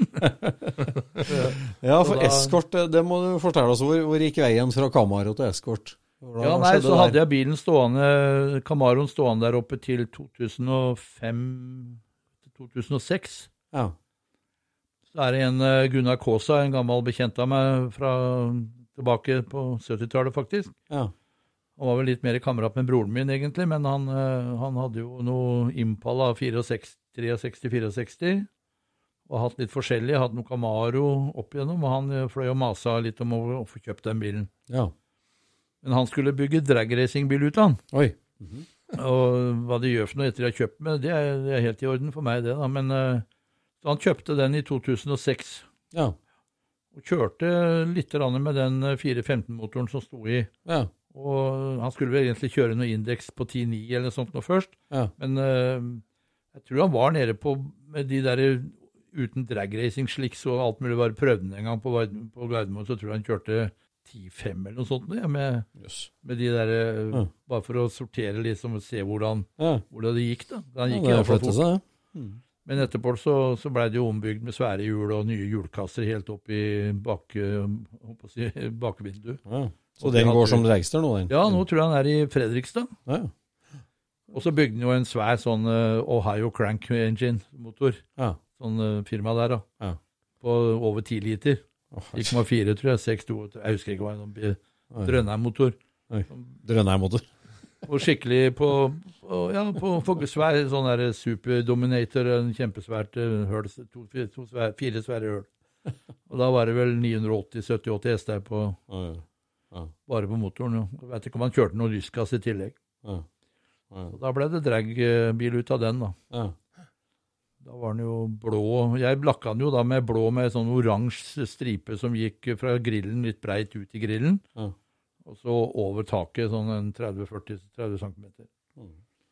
Så, så da ble det det ut av den. Men da kasta du deg på en ny racingkapittel. Ja, nei, da blei det litt sånn at jeg, først fikk jeg tak i en Cortina som jeg hadde noen noe planer med. Jeg lurte litt på noe Lotus-prosjekt, da. ja. Å kjøre i F, eh, historisk F ja. var en tanke. Så jeg fikk et ganske greit karosseritak eh, borti, borti Porsgrunn-Skien der. Porsgrunn. Og så mm, ble ikke det så tok liksom aldri av ordentlig. Nei. Men karosseriet var veldig bra, da. Men så fikk jeg kjøpt en Altså ja, Så kjøpte jeg en, Cortin, nei, en Escort i 2008 i Drammen. Mm. Dro hjem den, fikk den inn i verkstedet, og så fikk jeg tak i en et Cortina 1500, en fin en i hvit en. Mm. Som var registrert, og en bekjent av meg Men også det der med, med amerikansk bil kontra europeisk bil, da, det, du har ikke hatt noe Du har ikke vært en sånn bilrasist på noe vis, du? Du har Nei gått, da, jeg har gått vært fint ganske alt, Ikke altetende, for så vidt, det er feil å si. Men uh, Du har hatt det nå, da? jeg har hatt det nå, men du, skulle ikke si du noe skulle jo det, ikke si det. Nei. Og ikke, Prøvekjørt en og ikke på podkasten. Nei, nei, nei. Ja. Nei da, det var jo bare Nei, Renault har jo hatt mye morsomt med Alpine og Renault Gordini, og Ja. må ikke glemme Renault i enkelte motorsportsammenheng, da. Neida, sant ja. De har hatt en del morsomme ting, de òg. I Gordini-sammenheng Gordini-sammenheng òg, eller trimmeren Gordini, da. Hadde Eng, engelsk Ford har stått ditt hjerte Ja da, det har jo vært med det også litt i bakhuet, for du kan si det, det med folkevogn på 60-tallet var jo det at folkevogn hadde jo hadde det ganske greit når det gjaldt litt på rally og litt, eh, litt sånn kanskje på baneløp med, med hekkmotoren, sånn som det var. Men det var ikke noe særlig satsing fra folkevogn på noen ting i motorsport. Nei. Det kom liksom, eh, det som skjedde var jo det at du måtte gjøre sjøl og få de bilene fram, da. Ja. Og da var det jo Kjell Gudin blant annet med, med, med, med Møller og litt sånn der, kan du si. Mm. Også da en, en del eh, gutter som er flinke til å få det til Mm. med de midlene de hadde på den tida, da. Mm. Du hadde vel eh, Det ble jo litt rallycross etter hvert. var jo og- også inne i bildet med trimming av flink med motorer og, Mm. og sånne ting som, eh, som det fikk det her til å gå fort, da. Men det var liksom aldri noe sånn, mens, mens Ford igjen var jo veldig framme med den når eskorten først Lotus-kortinaen, Mm. og Colin Chapman og hele den biten der. Og så kommer da Broadspeed med eskortene, og så kommer Alan Mann med eskortene. Mm. Og så er de, er de der oppe hele tida med Twincam-motorer, og så kommer jo BD-an Mm. 16-ventiler, som nesten er eh, moderne mor til alle V- 16-ventiler, på en måte. Mm. I bensinutgave, iallfall, som kommer etterpå. Mm. Og du har Ralph Broad da, med Broadspeed, og, Mm. og du har eh, Cosworth, da, ikke sant, med Duke Cosworth, eller Duckworth Mm. og Coskin, Mm. som ble Cosworth-navnet, og, og bygger da den derre Konstruerer og bygger Først var det jo den 1600 FVA-motoren, som var 16-ventila. Mm. Den kom vel i 667 noe rundt der. Og så kom jo da fortsettelsen da med Eller over til at Kent-blokka ble en 16-ventila BDA, da. Mm. Mm. Og den blei jo da først uh, homologert som 1601, selv om det var bare en tweak på hele, på hele noen tiendeler for å få den over 1600, så han kunne bli klassa inn til to liter. Ja. ja. Og var det noe Ford, var bra på på den tida, var å strekke regelverket. Skikkelig, så, så For det her, det her fulgte du med på du når det, for, når det foregikk på jeg følte med 70-tallet? alle veier. Ja, ja, Sånn i den grad jeg ja. kunne, iallfall. Så, Ja. så du hadde jo de Og jeg var jo på Kaskoga på den forferdelige ulykka der i 1970. ja. Hvor eh, de gikk ut, han Pekka Virtanen og Rune Tobiassen huka i hverandre. En BMW 22 og en eh, Twincam. ja. Og gikk inn i publikum. Og det var jo ikke noe, noe moro i det hele tatt. Ja. Så da, Men du husker jo de bilene når, de, når det kommer en BD av hylende oppover langsida på nesten 10 000 snurr. Ja. Så, så er det jo det gir Du merka for livet, da? Det er merka, vet du. Ja. Ja. Og du hadde jo Pico Troberg med Lipton Camaro da, i 69-modell, kjørte den vel det året. 70-modellen var jo nesten ikke kommet som raceutgave ordentlig. Mm. Og du vet når du ser sånne ting, og du kommer til Sverige og du ser Porsche 917, du ser Lula T70, og du har eh, McLaren med lange trakter og Hillborn-innsprøytning. Du, kan, du blir jo bare av- gåsehud. Ja, du får jo For du så alt det der, du. du så alt ståpels det der, overalt. Jeg vil ikke si hvor. Men, men det er ikke sant, det blir, det blir for mye for en som var vokst opp på Hovlandbanen. vet du. Og nesten i terapi etterpå. Nei, så det Men det, det skulle jo Du, du ble jo eh, eh, Altså, det, det var jo langt ute i karrieren din da at det ble eskort og, og, og historisk Jo da, så var det jo da at Historisk Racing ble jo danna i Norge, i Norge da på nytt igjen, da kan du si i 2004. Ja. Og kom jo da Og jeg begynte jo allerede i 2005, så var jeg på de første løpa. ja. Og I Norge og i Sverige og framover.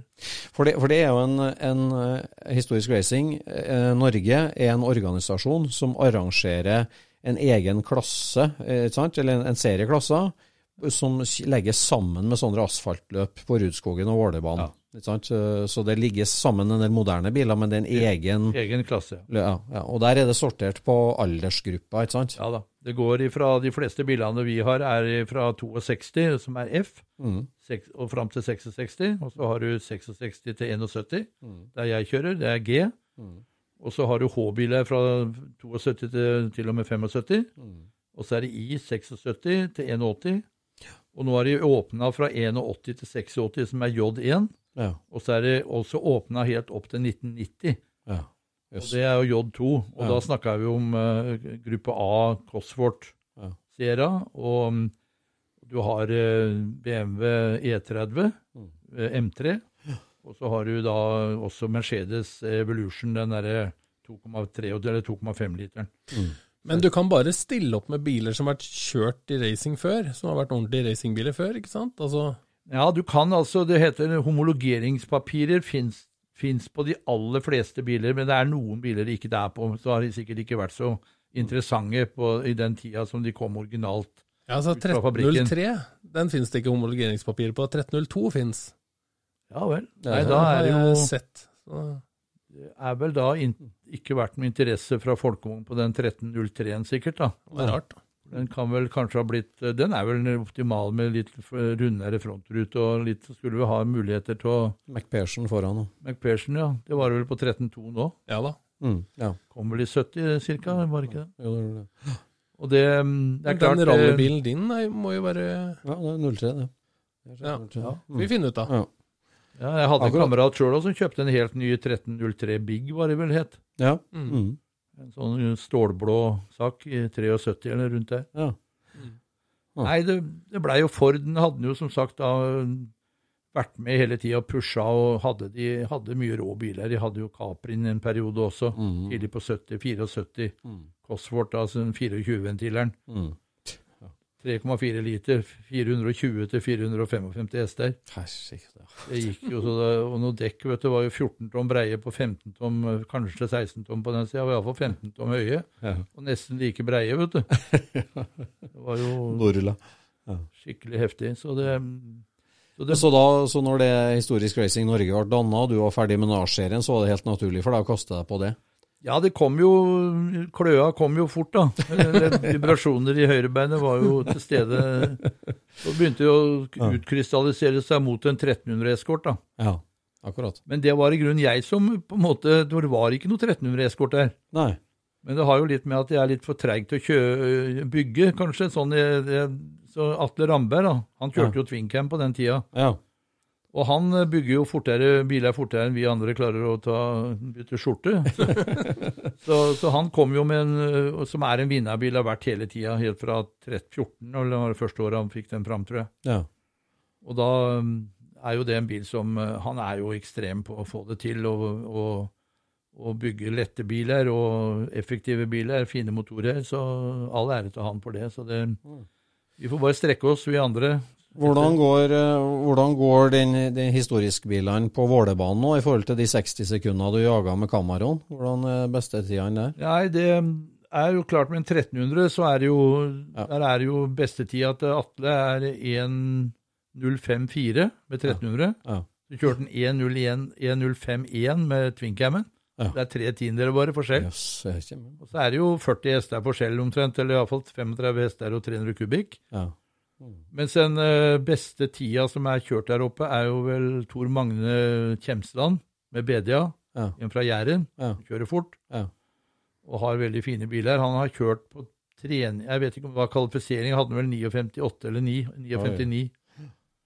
Og så ligger jo øh, racetidene, det er jo det som gjelder som banerekorder, ligger gjerne på litt øh, over minuttet. Ja, Det er vel den offisielle race, jeg skjønner. Men det er nesten, det er i nesten, race, da. det er nesten samme som Nars-serien gikk på det der, da.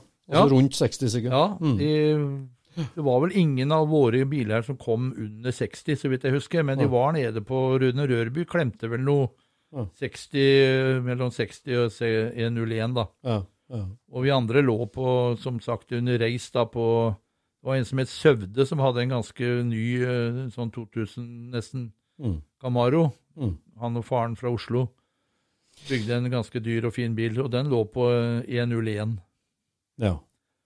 Og der satser du for fullt nå, og rigga til en ny sesong nå i 2020.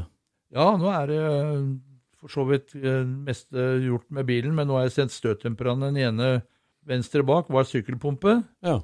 Og så hadde jeg en del Jeg lå på etterslep hjemme i fjor sommer med hus og hage, så hele sommeren der gikk med Så jeg fikk kjørt det siste løpet på Våler i september, da. Ja. Og så fortsatte jeg hjemme litt med mer ugjorte ting, da. Ja. Og da blei det ikke skrudd så veldig mye på den bilen før i rundt juletider. Så måtte jeg ha en ny eh, sånn vognlisens på den. Ja. Og så hadde jeg også en eh, med nye dempere bak. Så så jeg fant ut at det, den ene venstredemperen bak, den var uh, sykkelpumpe. ja. Så den har vel fått et gjennomslag eller et eller annet, da. Så han har bånda, så jeg har sendt de til England, til Spax, da. Ja. Og de, eh, de er ikke så de er her borte nå. Mm. Så jeg håper jeg får de tilbake. Men nå er jo i den situasjonen vi er i nå med koronaproblemet, ja. så er det jo ikke sikkert det blir noe på Våler eh, 10, 9. og 10. mai. Nei, det er noen fare for det, ja. Selv om han er jo ganske isolert når de sitter i hver sin bil. Ja, det er jo det vi har liksom tenkt at hvis vi, for oss, iallfall vi som ikke får den derre seiersbrusen Vi kan jo sitte inni de bilene våre. Vi, altså, vi er jo inne isolert sett når vi er inni der. Ja, ja. Og hvis de eventuelt uh, ville arrangere eller kan få tillatelse til uten publikum, ja. med en begrensning på en tre til fem personer rundt hver bil i depotet. Og jeg pleier som regel å klare meg sjøl stort sett, eller så at broren min eller, eller bror, sønnen min har vært med. Mm. Men eh, hvis ikke det skjer for altfor mye, så har jeg, selv om jeg er 70 nå, så klarer jeg å ordne den bilen. ja, sånn. Men jeg skal ikke si, jeg, være så altfor eplekjekk på det, da, for jeg klarte jo å komme ut på Våler ved første løpet i fjor uten å få i panserlåsene, panserpinnene. Oi, Oi, Og da fikk jeg jo panser rett i frontruta rundt første svingen bak kafeteriaen der. Ah. Men da fikk jeg sympati i depotet etterpå, for det var Ludvig Kunstvedt hadde gjort på Lyngås. Ah, ja. Han hadde kjørt jo flere runder med det panseret. ja, det, det jeg har sett det. Husker jeg. Så jeg fikk, eh, Det var flere det hadde skjedd med. Det var en seks-syv stykker som hadde opplevd det samme da når jeg kom inn i depotet igjen, for her var ute på fritreninga. da. Ja, ja. Så det er jo greit å ha litt styr på at, eh, at det er noen som følger med rundt bilen etter du har satt deg inn. Mm. Det kan, hende, det kan bli litt sånn hektisk akkurat i ja, ja. det siste minuttet der før du skal utpå. da. Men um, Men jeg tenker på det, Hans Jørgen, du fyller 70 år i året. ja, og um, helt siden du har hang på Youngstorget og var besøkte tanta di i Oslo og fikk liksom motordrønnet inn med og så, så, så, det er bilinteresser da, som har gått fra leir til leir til leir, og for, forskjellige miljø det har vært innom. Som var, altså, vi er jo alle eh, autofile eh, her rundt bordet, kan jeg si, men hva, hva er det med bilhobbyen som gjør det så hva skal jeg si, tilfredsstillende for deg? Hva, hva, hvorfor er vi så bilgale? altså, det er egentlig vanskelig å si på en måte, men det er vel at du, du Det er jo mye av teknikken som gjør at du Og den tilfredsstillelsen med altså, at du får til ting sjøl. Ja. Mm. Jeg har jo ikke vært så veldig på det med, med bil på gata, akkurat unntagen den Barracudaen. Ja. Til dels den eh, litt den der Cordina GT nå. Mm. Så har jo ikke jeg vært noe sånn bortskjemt med å ha noen masse fine biler på, på veien, på gata, opp gjennom åra. Mm. Det kan jeg jo ikke si. Jeg har jo kjørt rundt i biler som folk har spurt eh, er du interessert i bil, Ja. og så kjører du den. Jeg hadde jo en Datsun 180 i 15 år, en B. Ja. Og, og Det eneste du så på den, var blue dotsa bak. Det er sånn at det var en bilmann. Ja, det var blue dots på den. Ja, det. Det hjelper jo veldig på toppfarta. Men eh, Altså, for, for deg så er det skapertrangen, liksom. Det å Ja, bygge det er liksom noe, den gjøre noe sånt. interessen også med litt skapertrang, når du først liksom sånn Hotroden har jo selvfølgelig Der er det jo masse muligheter, selv om jeg ikke fulgte den linja helt ut da, og solgte prosjektet. Men, eh, men racing, da, der er det jo noe du får svar på ganske umiddelbart om det du har gjort. Mm. Ja, for er, eh, er, det, er, er liksom noe som kan få deg rundt banen, utenom at du må ha litt Mm. eh, sans for å kjøre sjøl òg, så har du jo da muligheten til å strekke, liksom, eller strekke deg etter de optimale løsningen på ja, både hjulvinkler Det er masse svar og prøving og feiling der òg, da. ja, for det er jo en ting som jeg tenker på når jeg Jeg kjenner jo deg litt fra før, og jeg vet jo det at, eh, at du er jo veldig interessert i teknikken bakafor. Altså det, det var jo av deg og Atle jeg hørte om Bubster første gangen, liksom. Ja. Og alle disse små vinkler, Ackermann-vinkelen, og ikke sant, hvordan Ja. du gjør det sånn og sånn. og ikke sant, Det er jo det er mye tenking. Veldig mye tenking, og, og du må jo sette deg litt inn i hvordan ting for, er med Ackermann og indre- og ytrehjulet for forskjellig vinkel på, Mm. som blir utløst av styrearmene. Mm. Og måten de er gjennom uh, bærearmskula, da. Mm. Det er foran leading, eller om det er uh, tail, altså tail, da, eller bakover. Mm. Det, er jo, det er jo forskjellige styrearmene. ikke Peker forover, bakover. Og så du kan du jo bøye og vri litt på de også, så kan du jo få ut uh, en helt annen akkermann enn det som kanskje er bygd inn. Mm. Og så har du jo da toe in og toe out, og du har eh, camber og caster.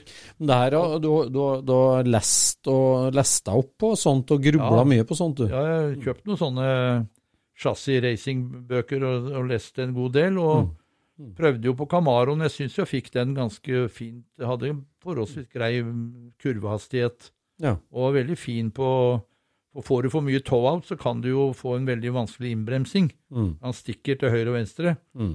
Så det er jo, det er jo en, en gyllen mellommiddelvei der òg. Mm.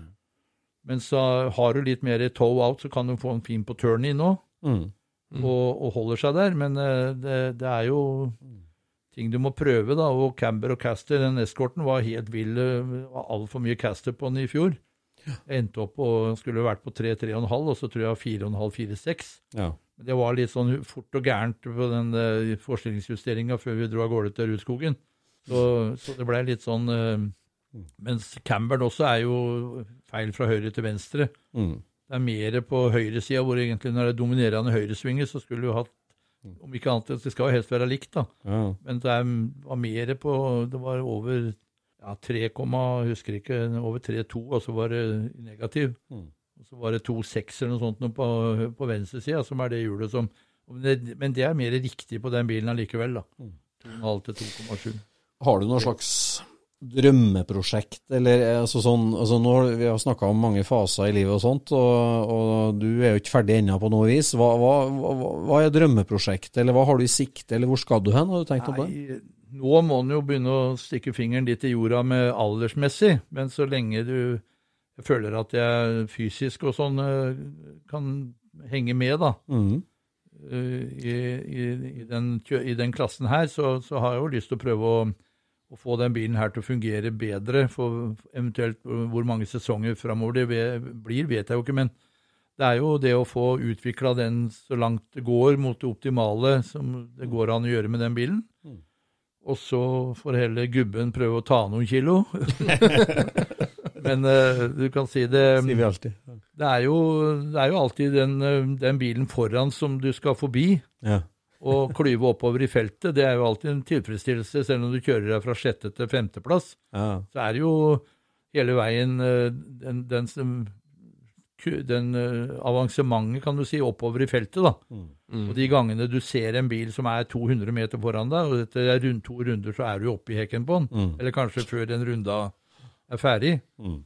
Så Det er jo det med baneracing, at du, du kan drite deg ut i en sving, og du kan, eh, du kan eh, komme opp, opp igjen Mm. og prøve, og prøve å ta igjen. Eller om du også da, hvis du har gjort det en en del riktig, så merker jeg at bremsepunktet er lenger inne mot svingen enn de andre. Mm. Og kurvehastigheten også er så du har noen meter ut på langsida. Mm. Det er jo veldig Det er litt eh, om ikke Jeg kan ikke bli med den sveisen min, kan ikke jeg bli høy og mørk. Men, men du kan si det at det er veldig moro å se at de blir bak. Ja, ja. Og ikke noe sånn som nå i fjor, så hadde jeg mm, Jeg har sikkert kjørt med for store halsringer eller litt som gærent på forgasserne. Sånn at jeg har litt bobling og koking ut på langsida, og da er det jo noen som har en motor som er på pigg på, på med en gang. ja.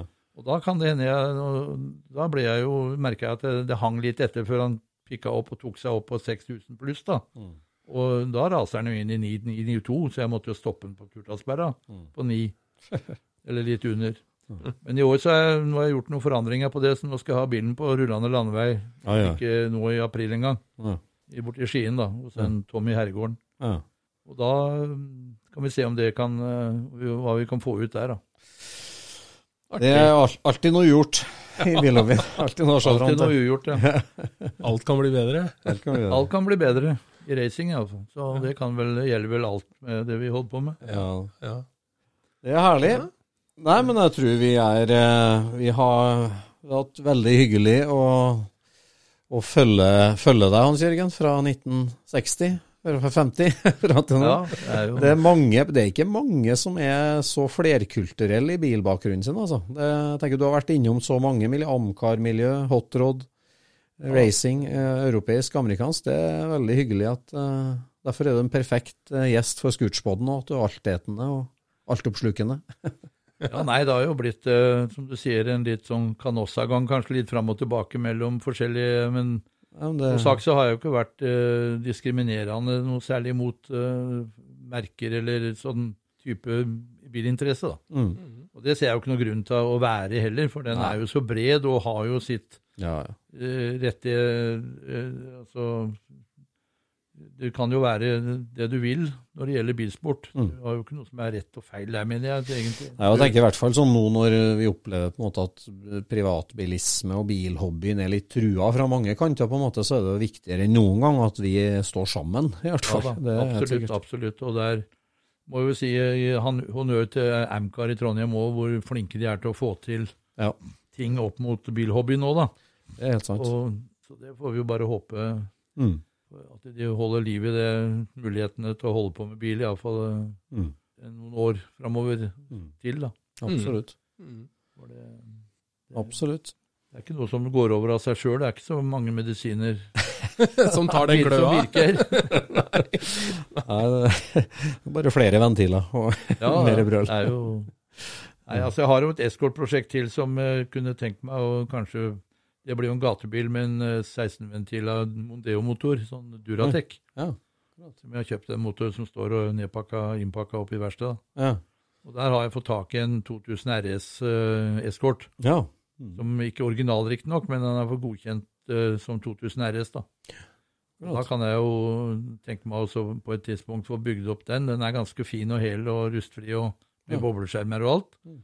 Er jo da godkjent med to liter, og den Pinto-motoren som vi kaller den to-liter-motoren, den er ikke sånn veldig høyt i kurs hos meg. For den er et søkk av en motor. og, og Dregg. ja. Det er vel, men du kan si, og den lille Duratec-motoren den er jo helaluminium og veier med alt med du- starter og dynamo rundt 104 kilo, tror jeg. Yes. Ja. Så det, og det er litt opptatt Biltilsynet også, altså det, at det, frontvekta eller forstillingsvekta ikke er for mye på de eskortene. Ja. For det, det, det har litt med hva de liker, kan du si. Og der er det jo he- helt innafor med en sånn Duratec-motor. Det er jo flere som har fått godkjent Ja. eh, de med de motorene. Ja. Det er jo noe jeg kan kanskje tenke meg også prøve å få. Jeg har jo den motoren pluss ei femtrinns Sierra-kasse Mm. som uh, har stått innpakka der oppe nå i mange år. Så det kunne Det er herlig. Det er spennende ting på gang. Du får komme tilbake igjen når vi får vi se etter sesongen her hvordan 1300-eskorten har gått. Ja, det blir spennende hvis det blir eh, Men litt kjøring kan jo hende vi får til i sommer. Ja, selv om får satse på det. omstendighetene er som de er. Så litt utpå høsten, kanskje et par løp der hadde jo vært moro iallfall. August-september. Ja. Så, så er det jo mulighet til å Jeg er jo med i den svenske racerhistoriske klubben òg. Ja. klart. Der er det jo også muligheter å kjøre i Sverige, da. Ja. Men primært så er det jo Norge som, som er eh, Det er veldig hyggelig at det er så bra miljø i Norge for det. Vi, jeg og Jon Roar har vært litt sammen med Historisk Racing. Vi var på årsmøte der. Og har satt oss litt inn og har jo lyst til å henge oss på, vi òg. Ja. Får vi se. Mhm. Det har vært en Scootspod-sponsa. Gammel en. Ja, ja, ja. ja. Ja, Det ja, ja. kommer sikkert til å ordne seg. Ja. Ja. Nei, men Vi får jo si takk for besøket, da. Ja, det var hyggelig. Tusen takk. For meg. Veldig artig. Skal vi legge ut noen bilder fra både seansen og noen av de bildene du har med deg, så, får, så lytterne kan følge med på, på hva vi har snakka om? Det er helt i orden, det. det Ja, vi må prøve. Akkurat å ta bilde av meg, det blir jo ikke så vellykka, men, eh, men i bilen kan jo ta bilde. Veldig Yes. bra. Nei, men da snakkes vi. Takk for i kveld. Takk for i kveld. For. Scootspodden produseres av SSC Media, med god hjelp av VV Norge og Trond Dahl for hosting, Knut Micaelsen for musikk. Abonner på Scootspod via podcaster eller Acast, og følg Scootspod på Instagram og se det vi snakker om. Der kan du også komme med kommentarer og innspill, og fortelle oss hva du vil høre om.